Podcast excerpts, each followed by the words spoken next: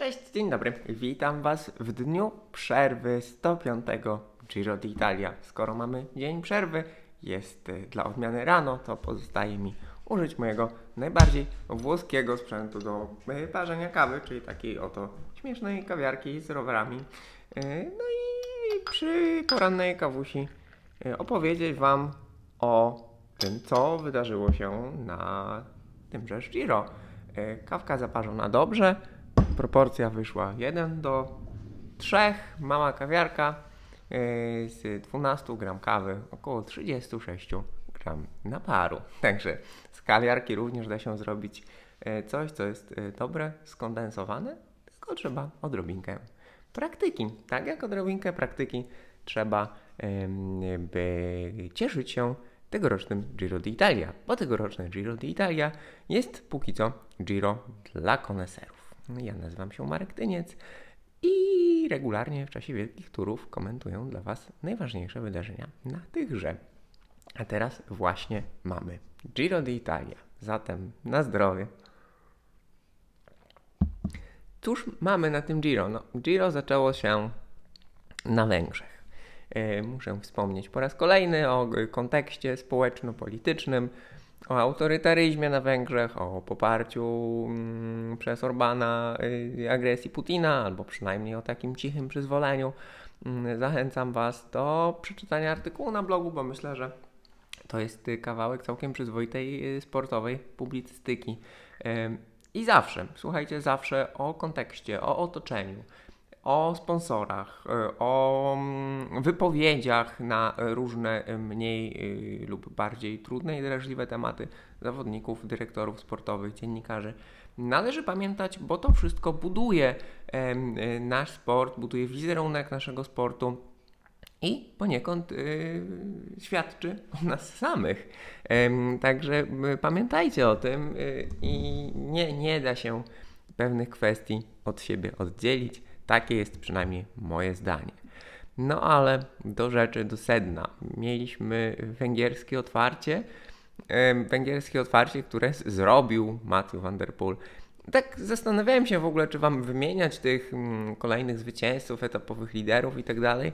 Mm, ale tak naprawdę przez to właśnie, że mamy taką otwartą sytuację i bardzo wyrównaną y, rywalizację y, w zasadzie w każdej, mm, w każdej klasyfikacji, w każdym aspekcie tego Giro, no to myślę, że myślę, że warto będzie zrobić taki szybki przegląd, ale jednak z, z komentarzem. Czyli mieliśmy ten pierwszy etap z metą w Wyszehradzie. No i świetny finish, e, świetny finish Vanderpoola, wymęczony, wyatakowany, wyszarpany. E, Mieliśmy upadek Kaleba Iwena, mieliśmy też bardzo dobrą jazdę Girmaja. Tak czy inaczej Vanderpool zrobił to, co miał zrobić i tak jak mówiłem Wam zaraz po tym etapie, e, no to jest jedna z tych rzeczy, które ekscytują w kolarstwie, w ogóle w sporcie, tak? Kiedy wielka gwiazda stawia sobie jakiś cel i potem mimo y, oporu rywali ten cel osiąga, no to w ten sposób jakby mierzymy, mierzymy wielkość. Z drugiej strony Van der Poel miał drugi cel, to był ten etap do Neapolu, czyli etap ósmy, stworzony dla niego tak naprawdę na takiej jakby rundzie zbliżonej charakterem do rund Mistrzostw Świata i tam Van der Poel również szarpał, popisywał się tymi swoimi firmowymi atakami, kiedy staje w korbach i, i całym ciałem rzuca się do przodu. E, I tam też to próbował zrobić. E, próbował wreszcie, kiedy y, w pewnym momencie nie był w stanie pogonić za rywalami, kiedy nieco się spóźnił z reakcją i, i zbierał siły, próbował swojego kolejnego popisowego numeru, czyli takiej późnej pogoni, ale tym razem mu brakło. I na ósmym etapie w Neapolu zwyciężył Thomas Tehent z Lotto Sudal. To jest bardzo ważne w, e, zwycięstwo w narracji e, całego sezonu, nawet trzech sezonów, ponieważ drużyny zbierają punkty, e, które są ważne dla awansu lub spadku z World Touru, ponieważ pamiętajcie, że po tym sezonie coś takiego będzie miało miejsce. Drużyna Lotto Sudal, e, mówiąc kolokwialnie, cienko wszędzie. Tych punktów nie mają za dużo i są na granicy spadku. No i to zwycięstwo jest dla nich bardzo cenne, tym bardziej, że e, no, Caleb Ewan póki co jest nieskuteczny. Wracając do tego, co się działo na Węgrzech. Vanderpool zrobił rewelacyjną rzecz podczas czasówki. Pojechał świetną czasówkę, obronił się przed wszystkimi rywalami klasyfikacji generalnej, przed czasowcami, przed allrounderami, przed szarżującymi na technicznej trasie nie wymagającej takiej brutalnej mocy, ale techniki, przyspieszeń i dynamiki góralami i obronił koszulkę lidera. Wspaniale, utrzymał ją do etny. To pokazuje, jak waleczny to jest zawodnik, jak mm, dynamiczny, jak skuteczny i też jak silny mentalnie. Więc tutaj znów szacunek dla Vanderpoola ale też zaskoczył wszystkich Simon Yates, który tę próbę y, wygrał, ustawił się w znakomitej pozycji przed swoimi konkurentami w klasyfikacji generalnej. Zastanawialiśmy się wtedy, czy Tom Dumoulin y, buduje formę tak, żeby być w najwyższej w trzecim tygodniu wyścigu. Teraz już wiemy, że po prostu fakt, że on tej czasówki nie wygrał, Mm, co, no, na co wskazywałoby jego wcześniejsze dokonania, ale też y, forma w tym roku poniekąd taka wachliwa, ale jednak dobra i solidna. Oczekiwalibyśmy, że Dumoulin w dobrej formie, nawet nie najwyższej, ale już rosnącej, y, taką czasówkę wygra. Tymczasem on przegrał z Jejcem. E, no i, no i słuchajcie, potwierdziło się to raz na Etnie, dwa na Blockhousie. Tom Dumoulin jest tutaj tylko do pomocy swoim kolegom, do budowania formy. Pewnie będzie się zawierał, zabierał w ucieczki. Kto wie, może spróbuje podczas ostatniej kończącej Giro czasówki, ale mm, no, taka czasówka w formie prologu, bo ta wydłużona próba w Budapeszcie, zresztą bardzo ciekawa, bardzo malownicza, techniczna, z podjazdem, z brukiem, bardzo fajna czasówka. Takie, takie krótkie próby, ona miała 9200 metrów, była oficjalnie czasówką, bo to był drugi etap, też nietypowe rozwiązanie, ale właśnie takie krótkie czasówki na początek wyścigu bardzo często są prognozą formy y, tego, jak kto jest przygotowany do wielkiego turu. Oczywiście bezwzględne wyniki nie zawsze odzwierciedlają to, co będzie się działo później, natomiast pewne, e, pewne trendy, pewne obserwacje Y, mogą wskazywać na to, jak zawodnicy będą sobie radzić dalej. No i tutaj ten brak wygranej y, Dimolena wskazywał, sugerował to, co potwierdziło się później, że on jednak nie jest przygotowany w 100%, choć wszyscy mieliśmy nadzieję, bo myślę, że taką nadzieję y, warto zawsze mieć. Po to, dlatego, że chcemy, żeby wyścig był jak najciekawszy. W związku z tym chcemy, żeby jak najszersza grupa, jak największa grupa zawodników była w jak największej dyspozycji.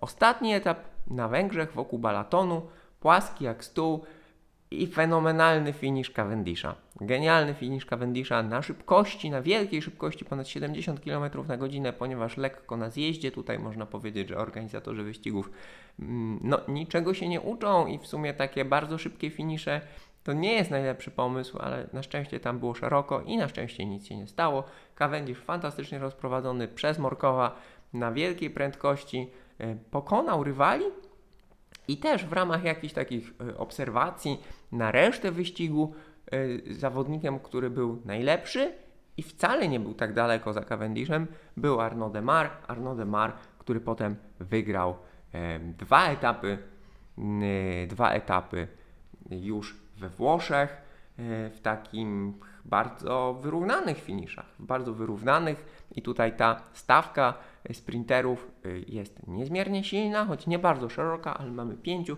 sześciu kolarzy na bardzo podobnym poziomie. E, jest Demar, jest Cavendish, przede wszystkim jest Iwen, jest Nicolo, jest Gaviria, który trochę się przepycha, trochę słabnie, trochę jest mocniejszy, jest Bauhaus i jest Girmay. Zatem bardzo fajne, wyrównane grono sprinterów i te pojedynki są no, bardzo, bardzo ciasne bardzo ekscytujące. Jest to do obserwacji dla kibiców, jest to kawał naprawdę kolarskiego rzemiosła. Tutaj ten finish, gdzie Demar omijał wszystkich rywali z lewej do prawej za nimi, objeżdżał i wyrzucił rower, pokonując o milimetry Kaleba Iwana, tam gdzie potrzebny był fotofinish, no to jest naprawdę maestria z jego strony.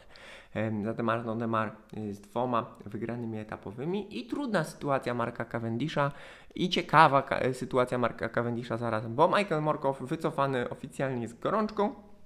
Chris Horner twierdzi, że y, Michael Morkow wycofany po to, żeby budować formę na Tour de France i że Mark Cavendish prawdopodobnie Tour de France jednak nie pojedzie. Fabio Jakobsen wyścigu dookoła Węgier, który rozpoczął się y, na Węgrzech y, zaledwie chwilę potem, jak z Węgier Giro d'Italia wyjechało.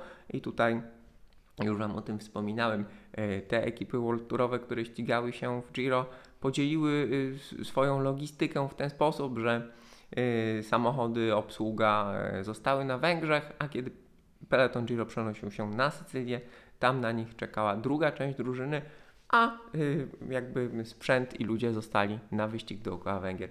Fabio Jakobsen na wyścigu do, dookoła Węgier wygrał dwa etapy. No i to chyba on będzie numerem jeden na Tour de France a Mark Cavendish coś wspomina o y, chęci kontynuowania kariery, mimo już zaawansowanego wieku doświadczenia, ale on powrócił do kolarstwa y, na najwyższym poziomie po trudnościach osobistych, po depresji i ewidentnie cieszy się jazdą. I pewnie będzie próbował y, rekord zwycięstw Diego Merckxa y, etapowych w Tour de France pobić. E, czy będzie to możliwe poza drużyną Quickstepu? Nie wiadomo, ale to jest jedna z tych narracji, które budują tegoroczny sezon. Bardzo ciekawych poniekąd. E, no i zobaczymy, jak tutaj Cavendish będzie sobie radził bez Michaela Morkowa. Mm, okazji dla, dla sprinterów jest jeszcze przynajmniej, jest jeszcze przynajmniej kilka. Mm, Zatem, a stawka sprinterów wyrównana, więc to będzie ciekawe. Tym bardziej, no, że jeżeli nie, y, już może już wie, że nie pojedzie Tour de France, no to pytanie, czy on będzie kończył y, to Giro, czy się y, wycofa, bo to ze sprinterami różnie jest, zwłaszcza, że w końcówce już w końcówce już tych okazji sprinterzy będą mieli mniej. Pewnie y, drugi tydzień jeszcze przejedzie. Łyk kapusi. No i mamy górskie emocje. Mamy górskie emocje na Etnie, mamy górskie emocje w Apeninach i mamy yy, górskie emocje nadal w Apeninach, ale już stricte z metą na podjeździe na Blockhausie. E, trzech różnych zwycięzców, nowy lider, e, nowy lider, który obronił się na Blockhausie. Mm, mieliśmy na Etnie mniej więcej to, czego się spodziewaliśmy, choć właśnie Dimulę tam stracił, stracił tam Nibali. E, no i e, nawet nie na samej etnie, tylko na początku etapu setną e, mieliśmy mm, wydarzenie, które mocno wpłynęło na losy wyścigu, to znaczy kraksę, można powiedzieć głupią, można powiedzieć niepotrzebną, przypadkową mm, kraksę, w której mm, potłukli się Miguel Angel Lopez oraz Simon Yates. Miguel Angel Lopez wycofał się od razu, Mm, z kontuzją biodra. On y, oprócz tego wspominał, że y, on z tą kontuzją biodra przyjechał w ogóle na Giro d'Italia i liczył na to, że będzie dobrze. Dobrze nie było. Y, I ta kraksa jakby wzmogła tę kontuzję, musiał się wycofać.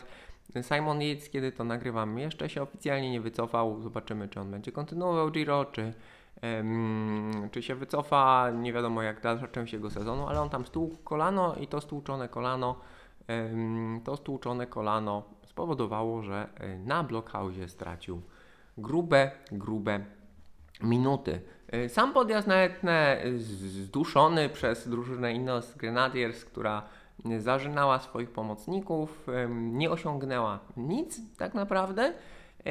Richard Carapaz w końcówce próbował atakować, natomiast było dwóch bohaterów, Leonard Kemna i Juan Pedro Lopez z Trek Segafredo, Kemna z Bora Hansgrohe, Bora Hansgrohe, która przywiozła tutaj bardzo mocną ekipę. Bardzo dobra jazda obu tych zawodników. Kemna e, cały czas e, na kolejnych etapach miał e, duże ciśnienie, żeby nadal zabierać w ucieczki. Wygląda na to, że to będzie zawodnik, który w najbliższych latach dostarczy nam wielu emocji i radości z oglądania jego poczynań. Natomiast e, Juan Pedro Lopez z Trek Segafredo broni się dzielnie, obronił koszulkę lidera w Apeninach, e, obronił ją na Blockhausie e, i kto wie, może przejedzie większość drugiego tygodnia, a może nawet i całym nadal w koszulce lidera.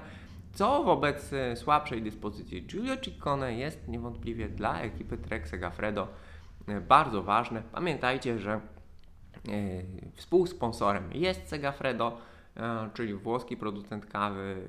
Włosi szukają nadziei dla swojego kolarstwa jakiejkolwiek, bo no, wygląda to kiepsko, to znaczy tych młodych talentów na miarę młodych talentów z innych krajów tak spektakularnych póki co nie mają, no więc myślę, że przynajmniej drużyna Trek Segafredo, która jest częściowo taką włoską ekipą, mimo że z amerykańskim sponsorem, to ten Hiszpan, ten młody Hiszpan będzie, będzie dla nich dużą radością. No, gdzieś trzeba szukać, e, gdzieś trzeba szukać pozytywów. E, no i w Apeninach mieliśmy ten wariacki etap z bardzo mocnym, szarpanym tempem. E, Ken Bowman ostatecznie wygrał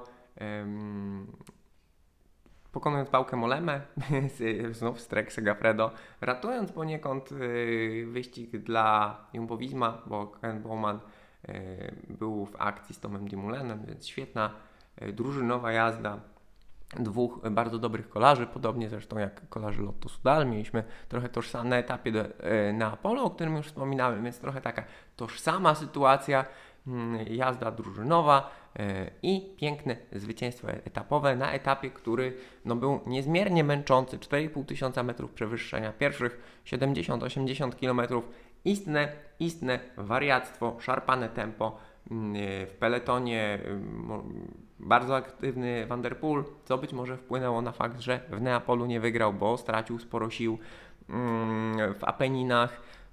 Także kawał kolarstwa, kawał kolarstwa do oglądania, choć właśnie w klasyfikacji generalnej znów było bez, bez zmian.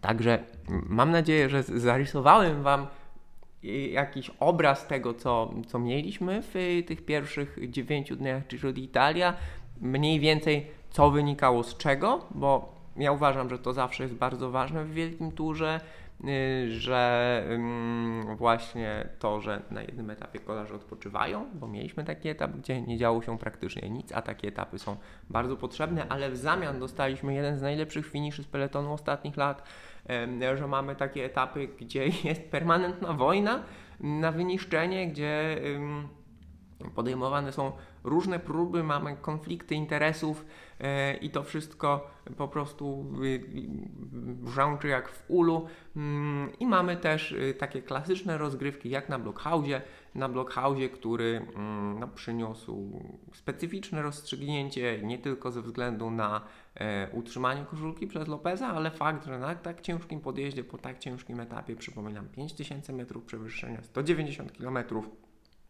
z testem 40-minutowym na podjeździe na koniec, ciężkim, nieregularnym, mamy 6, a de facto 7 zawodników w 16 sekundach. W komentarzu zaraz po etapie mówiłem, że to było wolniejsze tempo niż Quintany o półtorej minuty. To się zgadza. Quintany, który ten sam podjazd jechał w 2017 roku. Pamiętajcie, że tamten etap był płaski, kończył się tylko jednym podjazdem. Tutaj naprawdę mieli ubite nogi przed Blockhausem. Natomiast w porównaniu do e, Dimulena i e, Thibaut Pinot, którzy byli drudzy, ta grupa siedmiu zawodników pojechała bardzo porównywalnie, mm, zatem e, to już świadczy o tym, że mamy szerszą grupę na bardzo wysokim poziomie i to zwiastuje e, naprawdę duże emocje. Zachęcam do analizy etapu z Blockhausem do poprzedniego wideo na moim kanale lub na platformach podcastowych. Tam Wam bliżej o tym mówię. Każdym razie y, etap z Blockhausem zapowiada, y, zapowiada, że będziemy mieli duże emocje ze względu na to, że stawka jest wyrównana. Y, no i co nas czeka w najbliższym tygodniu? We wtorek mamy etap podobny do tego w Neapolu, ale nieco trudniejszy fajne, y, fajne górki mm, znane z Tirreno Adriatico. Połowa etapu płaska jak stół, a połowa to taki górzysty klasyk i tam wbrew pozorom może się dać, dziać dużo ciekawego, może ktoś z klasyfikacji generalnej czegoś spróbuje. Potem mamy etap y, dla sprinterów, y, ponad 200 km płaskie jak stół, także w środę zaplanujcie sobie oglądanie ostatnich 10 km. Następnie y, etap do Genui górzysty, ale raczej dla ucieczki. Etap do Cuneo również dla ucieczki, to jest piątek. No i rewelacyjny etap zapowiada się e, w sobotę. E, bardzo górzysty, również na rundach, e, ale dużo trudniejszych podjazd Superga. Oprócz tego wiele innych podjazdów. Tutaj myślę, że będzie spora selekcja, zwłaszcza, że etap jest krótki, więc będzie bardzo dynamiczny. No i drugi tydzień kończymy w niedzielę z metą na podjeździe z trzema premiami górskimi E, pierwszej kategorii, e, dwie, dwie premie pierwszej kategorii, premia na metę drugiej kategorii w końcówce. Ostatnich 80 e, km to są góry. No i tam zobaczymy, czy Lopez straci koszulkę, czy nie, czy straci ją w Turynie, a może ją utrzyma. Tak czy inaczej, należy się spodziewać kolejnych przetasowań w klasyfikacji generalnej w drugiej części nadchodzącego tygodnia. No a pierwsza e, to będą sprinterzy i uciekinierzy. E, zatem wiele okazji do tego, aby obserwować kolarstwie, rzemiosło, uczyć się, obserwować taktykę, no i mm, jakby doceniać wysiłek i kunszt kolarzy. Także moi drodzy, to by było na tyle. E, jeżeli podobają Wam się i lubicie moje komentarze z Giro d'Italia, zachęcam do subskrypcji kanału, e, ponieważ Facebook, jakby na to nie patrzeć, ogranicza zasięgi. Możecie też polecić e, moją radosną twórczość swoim kolarskim i nie tylko kolarskim znajomym, ponieważ myślę, że przybliżam wydarzenie na Giro d'Italia w sposób taki, którego nie robi nikt inny. Dziękuję Wam zatem. E, dzięki wielkie za wszystkie pozytywne komentarze, e, bo dostaję od Was e, ich sporo. To jest zawsze budujące i motywujące. Także dzięki wielkie, do zobaczenia, do usłyszenia.